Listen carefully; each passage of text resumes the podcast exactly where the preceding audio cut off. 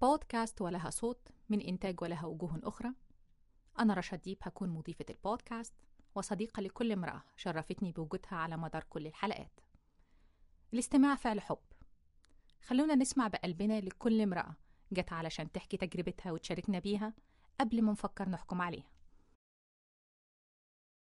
قد تكون الحرب شيمة من شيم دنيانا. يحارب الإنسان منذ أن وجد. أحيانا يحارب بحثا عن طعامه وأحيانا أخرى يحارب لكي يرسي قوانينه. وفي بعض الأحيان يحارب حتى يحمي وجوده لكن ماذا لو كنت تواجه أو بالأحرى كنت تواجهين حربا أسلحتها خفية ونزيفها لا يعرفه أحد غيرك. حرب هزائمها ثقيلة حتى الانتصار فيها لن يمحو الألم أو يزيل الندوب. هذه الحرب تواجهها كل أنثى. وعلى مدار الحلقات السابقة شاركتنا كل بطلة من بطلاتنا معاركها اليومية. وفي هذه الحلقة تلخص بطلتنا الحكاية في جمل بسيطة تصف بها معاركها اليومية التي أصبحت حربا لا تنتهي أبدا.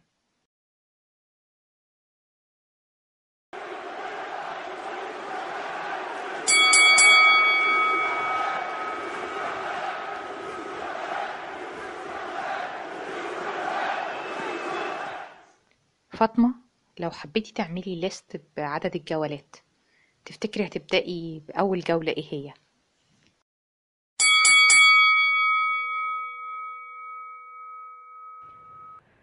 في الحقيقة الحرب كل يوم اللي أنا باخوضها بالنسبة لي هي آه، إن أنا إزاي بحافظ على سلامي النفسي في وسط كل الضغوط الحياة اللي أنا بشوفها. إزاي ما بغيرش من شخصيتي. ده بالنسبة لي حرب مش سهلة. أو زي ما بيقول عادل إمام دي حرب بمعناها وبغير معناها.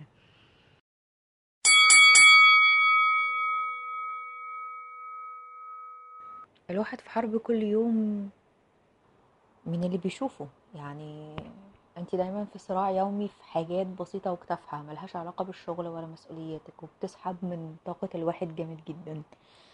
أنت مثلا ممكن تبقي في حرب مع الناس اللي مش عاجبها لبسك.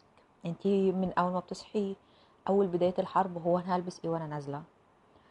آه بتبقى في صراعات كتير جدا وانت بتختاري اللبس. اولا اللبس اللي ما يعرضكيش لمضايقات في الشارع واللبس اللي ما والمضايقات في الشارع على فكرة ملهاش علاقة بمضايقات الرجالة. أحيانا بتبقى مضايقات الستات اقرف بكتير جدا من مضايقات الرجالة. اللبس اللي ما ما يعرضكيش لتهكمات ناس في الشغل إن هما مثلا يبقوا شايفين إن اللبس ده ما ينفعش تجيبي شغل أو إن اللبس ده إيه اللي انت لابساه ده وما يناسبش سنك ومش عارف. والحقيقة إن أنا تعرضت لموقف زي كده وكان موقف بالنسبة لي غريب جدا يعني إن أنا كنتش لابسة حاجة اوفر كنت لابسة فستان طويل تحت الركبة و... وعليه شراب كولون أسود تقيل وبوت وجاكيت طويل لغاية نص الفستان.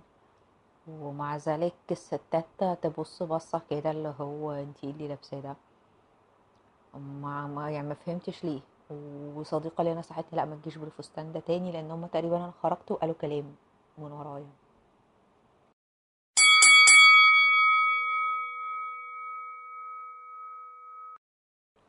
من الحرب النفسية برضو الواحد اللي بيتعرض ليها يعني ساعات كتير قوي بتبقي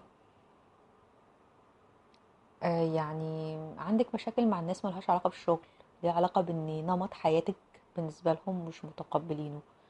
مش يعني مثلا لو انت من النوع اللي بيشتغل كتير قوي هم شايفينك انك انت إيه اللي بتعملي ده؟ انت بتشتغلي كتير كده ليه؟ آه لو انت مثلا من النوع لا لما بشتغلش وبوازن حياتي ما بين بيتي وشغلي وحتى أولويات تانية بيبقوا باصين لك برضو اللي هو انت مش شايفة شغلك ليه. انت على طول دايما في حرب إثبات ذات. يعني ما ما تفهميش إيه أساسها ولا ولا ليه ولا ليه ليه أنا مطلوب مني إن أنا أثبت لكم حاجة.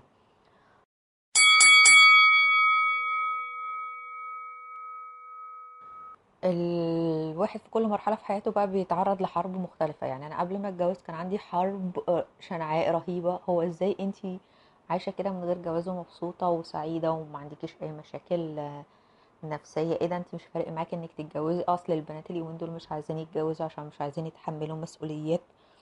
أصل الواحدة دلوقتي شايفة نفسها عشان خاطر. وطبعا الكلام ده بيتقال اللي هو من تحت لتحت وبهزار عشان ما تعرفيش تاخدي لا حق ولا باطل يعني. وبعدين بعد ما تتجوزي تبتدي تخش حرب جديدة اللي هو حرب أصل الست بت بعد الجواز ما بتديش شغل. الستات مش بتوع شغل بعد الجواز و...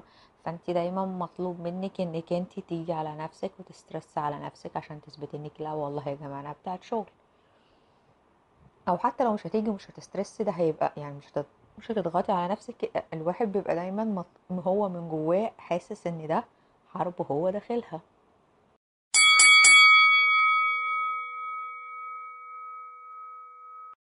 وفي النهاية نكتشف أن القصص مختلفة لكن الحرب واحدة والمقاومة لا تنتهي وأن الأمل سوف يظل حيا طالما تصدق كل امرأة في الميدان أن لها صوت.